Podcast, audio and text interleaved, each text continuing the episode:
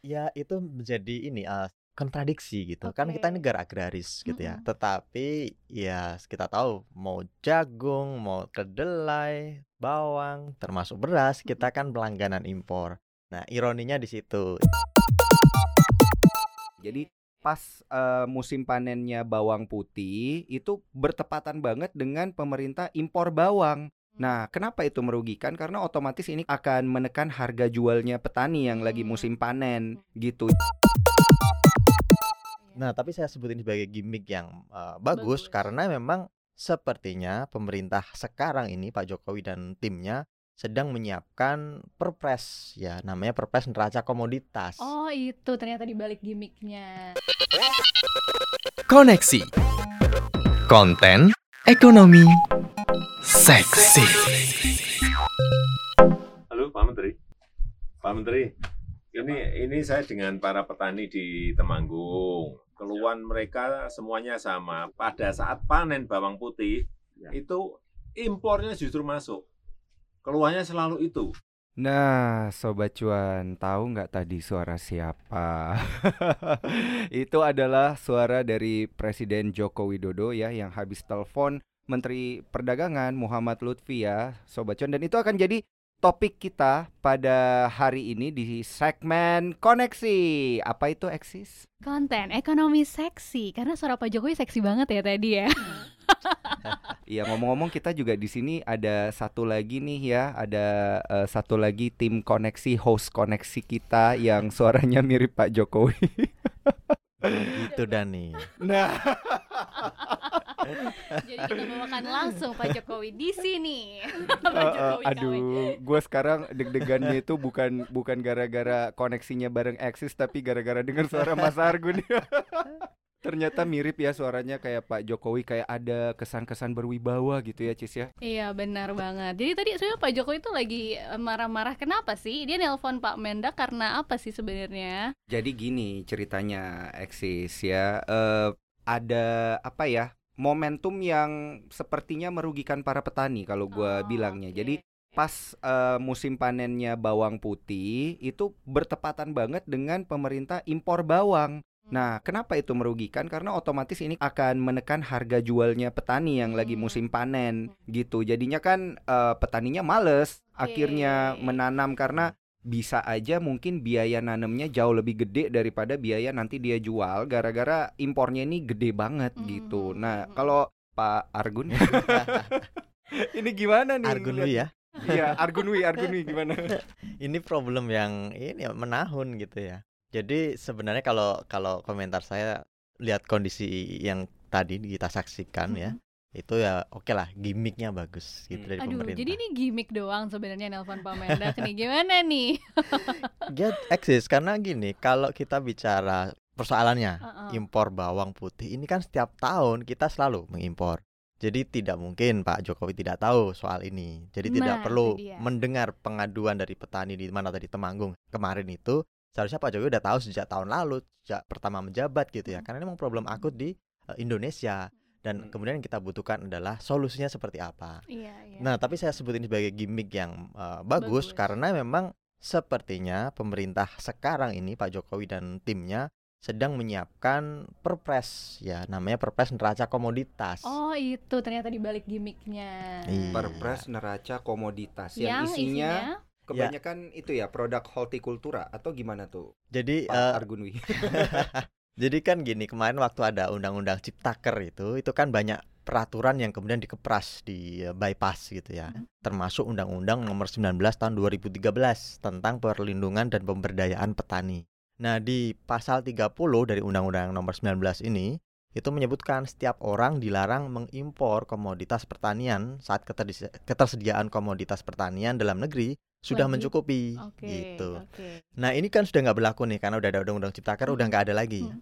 Makanya eh, ada kekosongan aturan mengenai perlindungan terhadap para petani ini. Nah, ini harus ditutup oleh Oh. pemerintah dengan menerbitkan perpres karena kan ciptakernya sudah ada undang-undang eh, sebagai payung hukumnya udah ada. Hmm. Turunannya apa belum ada. Nah, kalau turunannya tidak dibikin maka ya itu tadi ada kekosongan aturan mengenai perlindungan petani. Oke, jadi Makanya Perpres ini dibikin. Jadi yang terjadi yang tadi kata Pak Jokowi berdasarkan keluhan petani impor masuk pas petani lagi mau panen gitu itu sah-sah aja dilakuin karena belum ada aturannya gitu sekarang. Ya itu menjadi ini eh, kontradiksi gitu. Kan kita Oke. negara agraris gitu ya. Tetapi ya kita tahu mau jagung, mau kedelai, bawang, termasuk beras, kita kan pelangganan impor. Nah, ironinya di situ. Jadi Mm. apakah ini sah atau tidak? Ya memang sah-sah saja kalau mau mengimpor sekarang pun Mm. ketika panen raya terjadi ya sah, tetapi apakah elok? Tuh, kalau kita bicara soal Iya. etika eh, kebijakan publik, ya pastinya tidak elok karena pemerintah berarti tidak melindungi petani, kesannya begitu. Oke. Karena kalau impornya terjadi saat panen raya, otomatis harga komoditas pertanian yang diimpor Mm-mm, tersebut di dalam negeri tertekan. Ada faktor psikologi yang menekan harga. Jadi kalau Oke. para pedagang nih, pedagang eh, yang di pasar ini, mereka udah tahu, wah akan ada impor bawang merah misalnya. Mau nggak mau. Pemasoknya otomatis ketika nawarin harga sekian ribu, taruhlah sepuluh ribu per kilo misalnya ya, eh, itu ditawar gitu. Heeh. Karena ya nanti ada bawang putih, bawang merah yang Heeh. lebih banyak lagi dan mungkin harganya lebih murah. Ya jangan segitulah. Nah ini ya, ini yang Iya, iya, terjadi. iya, Ya iya, itu yang iya, kemudian iya. bikin petani mengeluh gitu. Karena kan setiap setiap mereka panen kok Mm. kesannya terjadi impor. Emang seperti itu kalau mau impor produk pertanian pada saat panen kan panen berbarengan. Mau Iya. dari Vietnam, Thailand maupun Malaysia Oh iya iya benar juga ya. panenannya kan bareng. Jadi Hmm. mereka ada surplusnya itu berbarengan dengan di sini. Nah, kalau kita mau mengimpor ya otomatis di sana lagi ada surplus, terbukalah itu Hmm. peluang impor itu. kerannya kebuka gitu. Iya, ya. kalau mereka lagi lagi panen ya otomatis eh, pasokannya dipakai untuk cadangan di dalam negeri mereka sendiri mau Vietnam, mau Malaysia. Nah, gitu. itu kan yang benar gitu ya, ada cadangan di dalam negeri mereka sendiri gitu. Kalau di kita tuh kayak gimana? Kok bisa-bisanya kan tadi ironisnya Iya, ke- kalau- negara agraris Benar, gitu kan, tapi akhirnya kekurangan. impor. Tapi Heeh. menurut gue kalau ngelihat dari data kayaknya kita nggak ada cadangan deh kalau bawang putih ya, Hmm, Mas hmm. Argun karena kan kita memang defisit ya. Ini kalau ngelihat data dari Dirjen Hortikultura Kementerian eh, Pertanian itu kan kita katanya 2021 tuh butuh di kisaran 530 ribuan ton. Betul. Habis itu kita masih ada limpahan nih dari tahun 2020 karena kita juga ngimpor gitu kan. Iya. Kita masih ada limpahan 134 ribuan gitu. Nah, dan kita produksinya dari dalam negeri cuman kisaran 98 ribu. Jadi emang harus ngimpor 300 ribu gitu ya. Dan Iya. kalau misalnya ngimpornya ini tanggalnya pas, Pas. banget tiga Heeh. kali lipat daripada kita punya total produksi, ya secara hukum pasar otomatis itu nekan harga gitu ya, Betul. Mas Argun. Nah, itu yang jadi dilema sekarang. Eh, kapankah eh, apa namanya? impor itu bisa di- dilakukan dan bagaimana prosedurnya? Kalau dulu kan harus ada rekomendasi nih dari Kementerian Pertanian, Kementerian Iya. Perdagangan, baru bisa dilakukan impor. Nah, ketika udah nggak ada aturan tadi Undang-Undang Nomor 13 Mm-mm, itu, mm-mm. ya otomatis sekarang perpresnya dibutuhkan. Nah, kalau tidak salah nanti perpresnya akan mengatur eh, beberapa kisi-kisi yang sudah dikeluarkan ke media ya.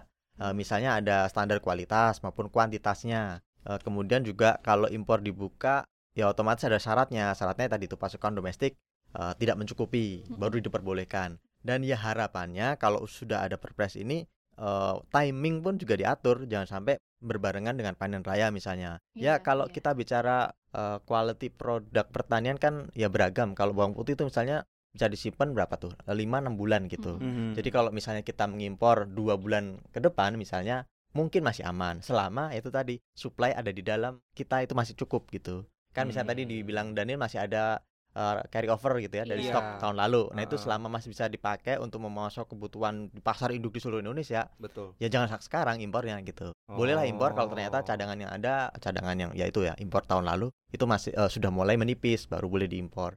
Harusnya hal-hal seperti itu yang diatur gitu ya di di di perpres ini gitu. Hmm. Oke, jadi ini ya celahnya itu berarti memang di sini ya aturan impornya seperti Belum. apa eh, eh, dan ini juga belum. Apakah ini juga kalau kita eh, ini masih ngomongin perbawangan ya?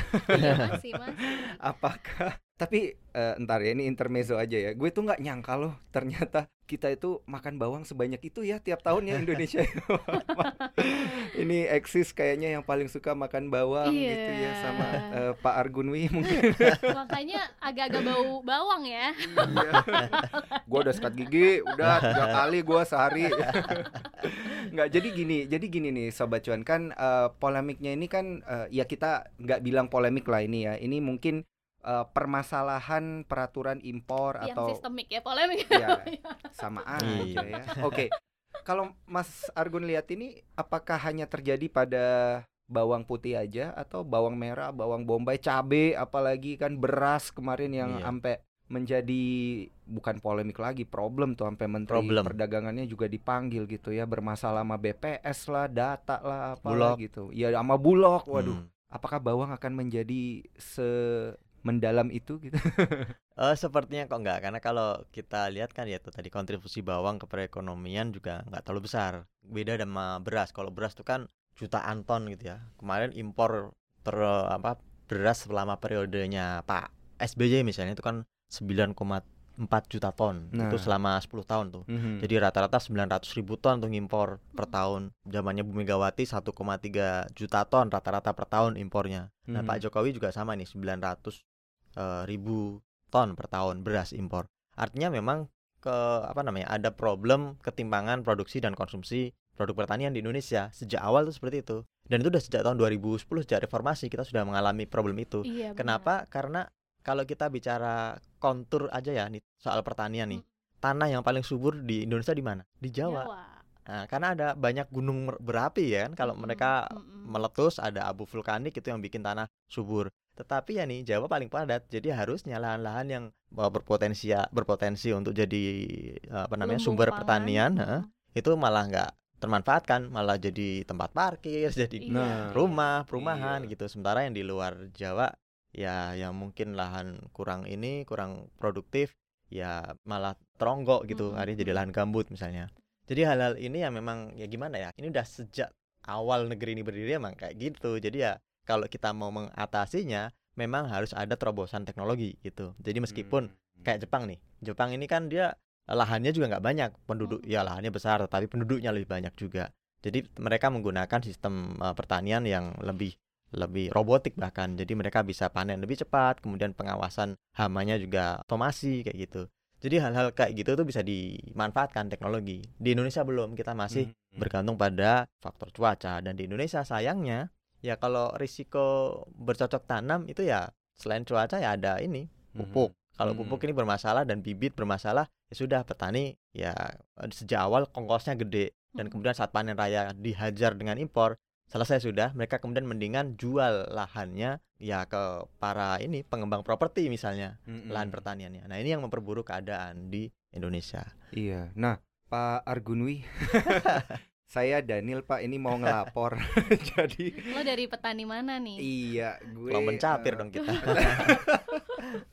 Jadi gini Pak, Eh, berdasarkan data yang kami himpun Pak ini, jadi kan kita itu tergolong salah satu eh, pengimpor bawang putih terbesar di dunia gitu ya secara global nih Pak. Argunwi. Perlukah kita mempertanyakan anggaran untuk pertanian itu gimana nih penyalurannya untuk para petani-petani seperti kita ini gitu?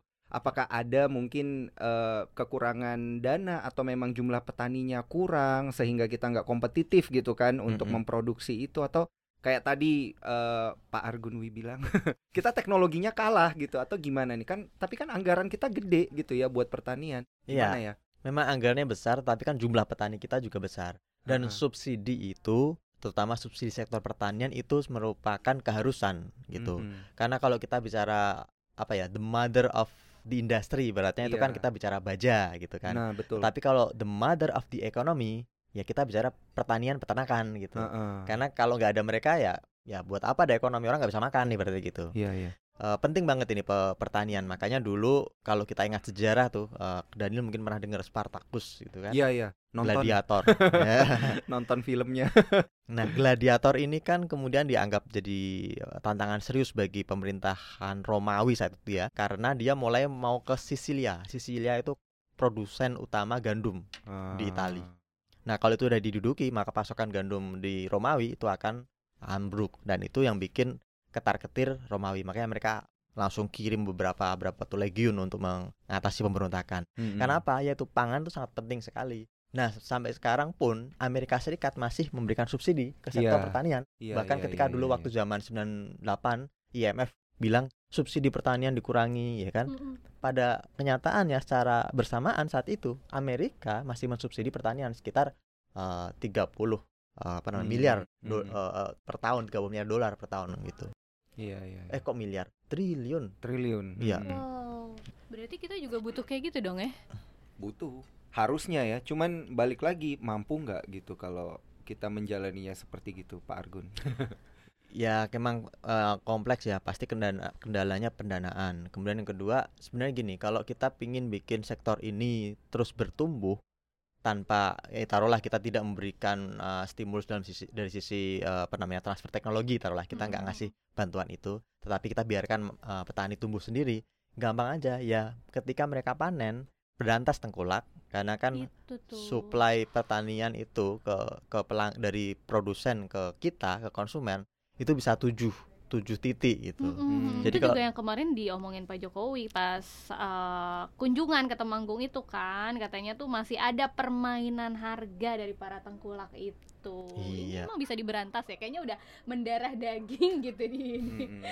Iya karena Iya, eh, nambahin dikit nih Pak Argun. Karena kan kalau kita lihat ya tiap kali ada barang yang banyak diimpor itu kok banyak banget ya pasti mafianya gitu kan. Jadi potensi untuk dimafiain itu lebih gede emang kayak gitu ya di negara-negara lain juga kayak gitu ya. Dikartelisasi lah apalah ada yang nampung barang karena kan barangnya impor gitu ya Aha. bukan punya kita sendiri. betul. Jadi ini emang wajar gitu ya. apalagi di Indonesia ya, terutama Mm-mm. kalau beras ya. Kalau kita bicara impor beras, jadi importir Mm-mm. beras itu modalnya apa sih Daniel? Cuman ibaratnya apa ya? Kalau istilah dulu itu KTBLC, izin. Nah, Kalau udah dapat izin impor, ya sudah. udah. Anda nggak bahkan nggak perlu bangun gudang karena apa? Ntar kan yang yang nampung bulog. Iya, Jadi kita dengan- pengimpornya doang Iya, gitu ya. tinggal nelpon orang Vietnam. Saya mau impor sekian ratus ribu ton gitu kan. Kapan ya? Tinggal bayar. Kemudian ya udah nanti akan balik modal langsung dengan margin yang saya pikir pasti besar dan ya risikonya zero, zero risk gitu. Jadi ya emang ini eh, apa namanya bisnis yang cuannya gede banget, Iya, tetapi ya itu betul. jahat banget kalau dilakukan ketika panen raya karena otomatis itu merusak ketahanan eh, pangan kita. Jadi orang-orang yang bertani, bercocok tanam, bikin apa ya susah payah untuk nanam padi, dihajar dengan harga murah ketika mereka panen. Ibaratnya Iya. ya udah kapok, ngapain saya nanam padi? Iya. Mending saya panen yang lain saja, misalnya jagung atau apa. Atau sebaliknya kalau mereka bener-bener sakit hati ya sudah jual aja tanahnya daripada Mm-mm. pusing-pusing. Iya, Jual akhirnya nggak ada yang jadi petani, kita kelaparan. Iya. itu dia atau impor terus. semua. Gitu. Iya. Mana kita jumlah petani mudanya kurang banget gitu ya. Iya. Jadi makin ke belakang ini ya gimana ya karena nilai tukar petani juga naiknya nggak signifikan gitu kan sedangkan inflasi lebih tinggi dan lain sebagainya petani kurang apa nggak kita aja nih jadi petani ya? Iya, lo mau. Bisa aja Kita sih. bisa jadi petani muda ya. Nah, Mas Argun, kalau kita lihat kan kita potensinya banyak gitu Mhm. ya. Karena sebenarnya kan kita memang negara agraris. Habis itu eh, ternyata untuk mau swasembada bawang itu ternyata susah banget gitu ya. Karena kita Hmm. harus menaikkan produksi kita paling enggak ya lima kali lipat, empat Betul. kali lipat gitu kan. Iya, iya. Nah, sebenarnya kalau melihat dari sisi pemerintahan itu apakah yang selama ini dilakukan kebijakan-kebijakannya ini selama ini udah Benar. mm-mm, benar atau masih ada yang kurang? Karena kan kemarin Presiden Jokowi juga sempat mau punya food estate dan lain sebagainya. Iya. Tapi kalau bawang aja ini masih kayak gini gimana nih rencana kita mau swasembada lah punya food estate atau apa? Agak susah ya berarti ya ini ya Mas Argun ya. Iya, susah. Tapi Mm-mm. memang kalau misalnya pelaku usaha pertanian itu terbatas, itu lebih mudah diawasi sih sebenarnya. Kayak di Amerika Ah. Serikat itu kan ada korporasi raksasa misalnya kita sering dengar apa Kellogg misalnya. Iya. Yang bikin eh, jagung, corn apa namanya? ah, ah. Itu yang kita makan tiap pagi pakai susu. Iya. Ya, itu kan Sereal. Ya itu kan dia perusahaan pertanian yang skala besar. Kemudian ada Monsanto gitu kan. eh, Cargill gitu. Iya. Jadi yang kalau perusahaan-perusahaan gede ini kan mereka ketahuan bahwa oh, apa namanya berapa produksinya dilepas ke mana dan di sisi lain perusahaan besar pasti butuh efisiensi. Jadi mereka secara natural akan berusaha meningkatkan efisiensinya baik dengan cara pola tanamnya atau pakai teknologi yang terbaru, eh, pembibitan yang lebih bagus. Itu akan membuat semakin efisien ini industri agro kita. Hmm. Tetapi ya di Indonesia kita seringnya ngasih subsidi kan ya di Amerika juga ada subsidi, tapi subsidinya ke perusahaan-perusahaan besar ini makanya lebih ter- Oh, lebih oke. terkontrol gitu ya. Soalnya kalau di Indonesia kan eh, distribusinya pupuk, distribusinya apa namanya benih, bibit, yang kadang nggak nyampe ke produknya gitu. Iya, benar, Apalagi benar, dengan benar. ya sering kali ya kita ada kasus-kasus misalnya eh, korupsi Mm-mm. apa namanya subsidi ini itu ini itu. Nah, ini yang bikin Aduh, problem makin itu lagi runyam. makin r- riwah gitu Iya. kayaknya udah udah mulai tadi masalah impor, Iya, masalah iya, orang di iya, dalam iya, negerinya iya. sendiri mengkorupsi Iya, itu. capek. Sadis banget ya dosanya seberapa besar tuh ya? Waduh, jangan tanya gue itu Cis itu eh, biar Itu yang maha perut kuasa. lagi masalah, ya, Iya. masalah perut loh. Ya, oke. Eh, tapi kalau gua secara pribadi kok mikirnya gini ya, eh, Mas Argun dan Eksis. Kalau pemerintah punya satu program yang bisa bikin orang-orang di daerah-daerah agraris ini ya, yang memang penghasil-penghasil tani ini semangat ya, kayak di Amerika gitu ya, Mas Argun kan mereka Mm-mm. juga pernah menderita kelaparan hebat ya dulu ya, Mm-mm. apalagi waktu masa Great Depression, dan Depression. lain sebagainya. Mereka kan justru yang digalakin itu kayak petani-petaninya nanam jagung gitu ya, dan Iya. ternyata itu masih terjadi sampai sekarang. Iya. Banyaklah mereka yang punya tanah-tanah besar di daerah-daerah itu nanam jagung, panen, jadi kaya raya gitu. Jadi di sana di sana tuh kondisinya Jadi petani, petani kaya iya, gitu ya. kaya. Tapi kita di sini kok kayaknya terpuruk banget gitu ya. Belum Hmm. masalah tanah, Dulu belum masalah sebenarnya sih kaya ya. Iya, dulu ya Dulu gimana nih kan. dulu? Oh, lu mau ngomongin rezimnya siapa Enggak. nih? Enggak, ini terlepas dari rezim-rezim gitu, tapi Yang memang enak zaman sudah zaman kuto berubah. gitu. Iya. ya zaman memang berubah ya. Mohon maaf, mohon maaf. Ya zaman dulu penduduknya kan belum sepadat sekarang dan Iya, orang benar. itu zaman dulu emang kebanyakan petani di Indonesia kan Iya. secara tradisional itu. Jadi emang belum ada problem pangan ini, tetapi setelah mulai berkembang nih populasi, kemudian perkotaan juga muncul, ya sudah kawasan-kawasan pertanian berkurang gitu. Ya memang ironinya di In- Indonesia ya itu kita tuh subur tapi nggak banyak dikembangkan di pertanian. Kalau dulu zamannya Pak Harto tuh kan ada penyuluh tuh, dia penyuluh pertanian. Iya, Eh, Jadi Pak emang- siapa? harus kita akui gitu. Oh iya, kalau kita kalau akui. emang Benar, ada benar. prestasi di situ harus kita sebut. benar benar eh. benar benar. Kan Iya, nilai- sampai sampai waktu itu gue lihat fotonya Pak Harto bareng Pak Bob Sadino waktu itu yang terkenal banget karena kan memang lebih mendukung ke arah pertanian gitu ya Hmm. yang Pak Bob Sadinonya pakai celana pendek Mm-mm. satu-satunya orang yang berani ketemu Pak Harto pakai celana Dia pendek itu beliau gitu kan. almarhum Iya. iya Hmm, emang hmm. selalu kayak gitu nah ini kan karena memang bentuk dukungan ya. Bukan berarti pemimpin kita sekarang tidak mendukung loh. Justru kan kita tahu ini karena pemimpinnya mendukung gitu. Mm-mm. cumannya mungkin harus lebih difokusin di tahun-tahun berikutnya gitu. Atau anggaran infrastruktur harus dialihkan dikit Nah, gitu mas fokusnya tuh ke mana ya? Sebenarnya kan Iya. ini sering banget ya jadi jadi perbincangan gitu. Ini pemerintah fokusnya cuma pembangunan pembangunan pembangunan aja nih. Nggak Ya. nggak ngurusin masalah perut rakyat kayak Iya, gitu-gitu kalau di pandangannya? Mas Argun gimana Eh, gimana ya kalau kita bicara apakah pemerintah tidak berpihak berpihak pada petani enggak juga karena Iya, kan kan buktinya ada. Kementerian Pertanian Iya. gitu ya ada tetapi problemnya adalah sekarang ini kan intervensi kepentingan tuh banyak ya itu tadi Mm-mm. kalau saya bilang importir importir ini mereka kan dapat keuntungan singkat orang sering eh, yang ekonom itu mengkritik ada praktik pemburu rente gitu di balik Iya, impor eh, apa namanya produk pertanian karena apa? Itu tadi hanya modal izin udah dia dapat keuntungan sekian dan dijamin gitu dalam waktu singkat.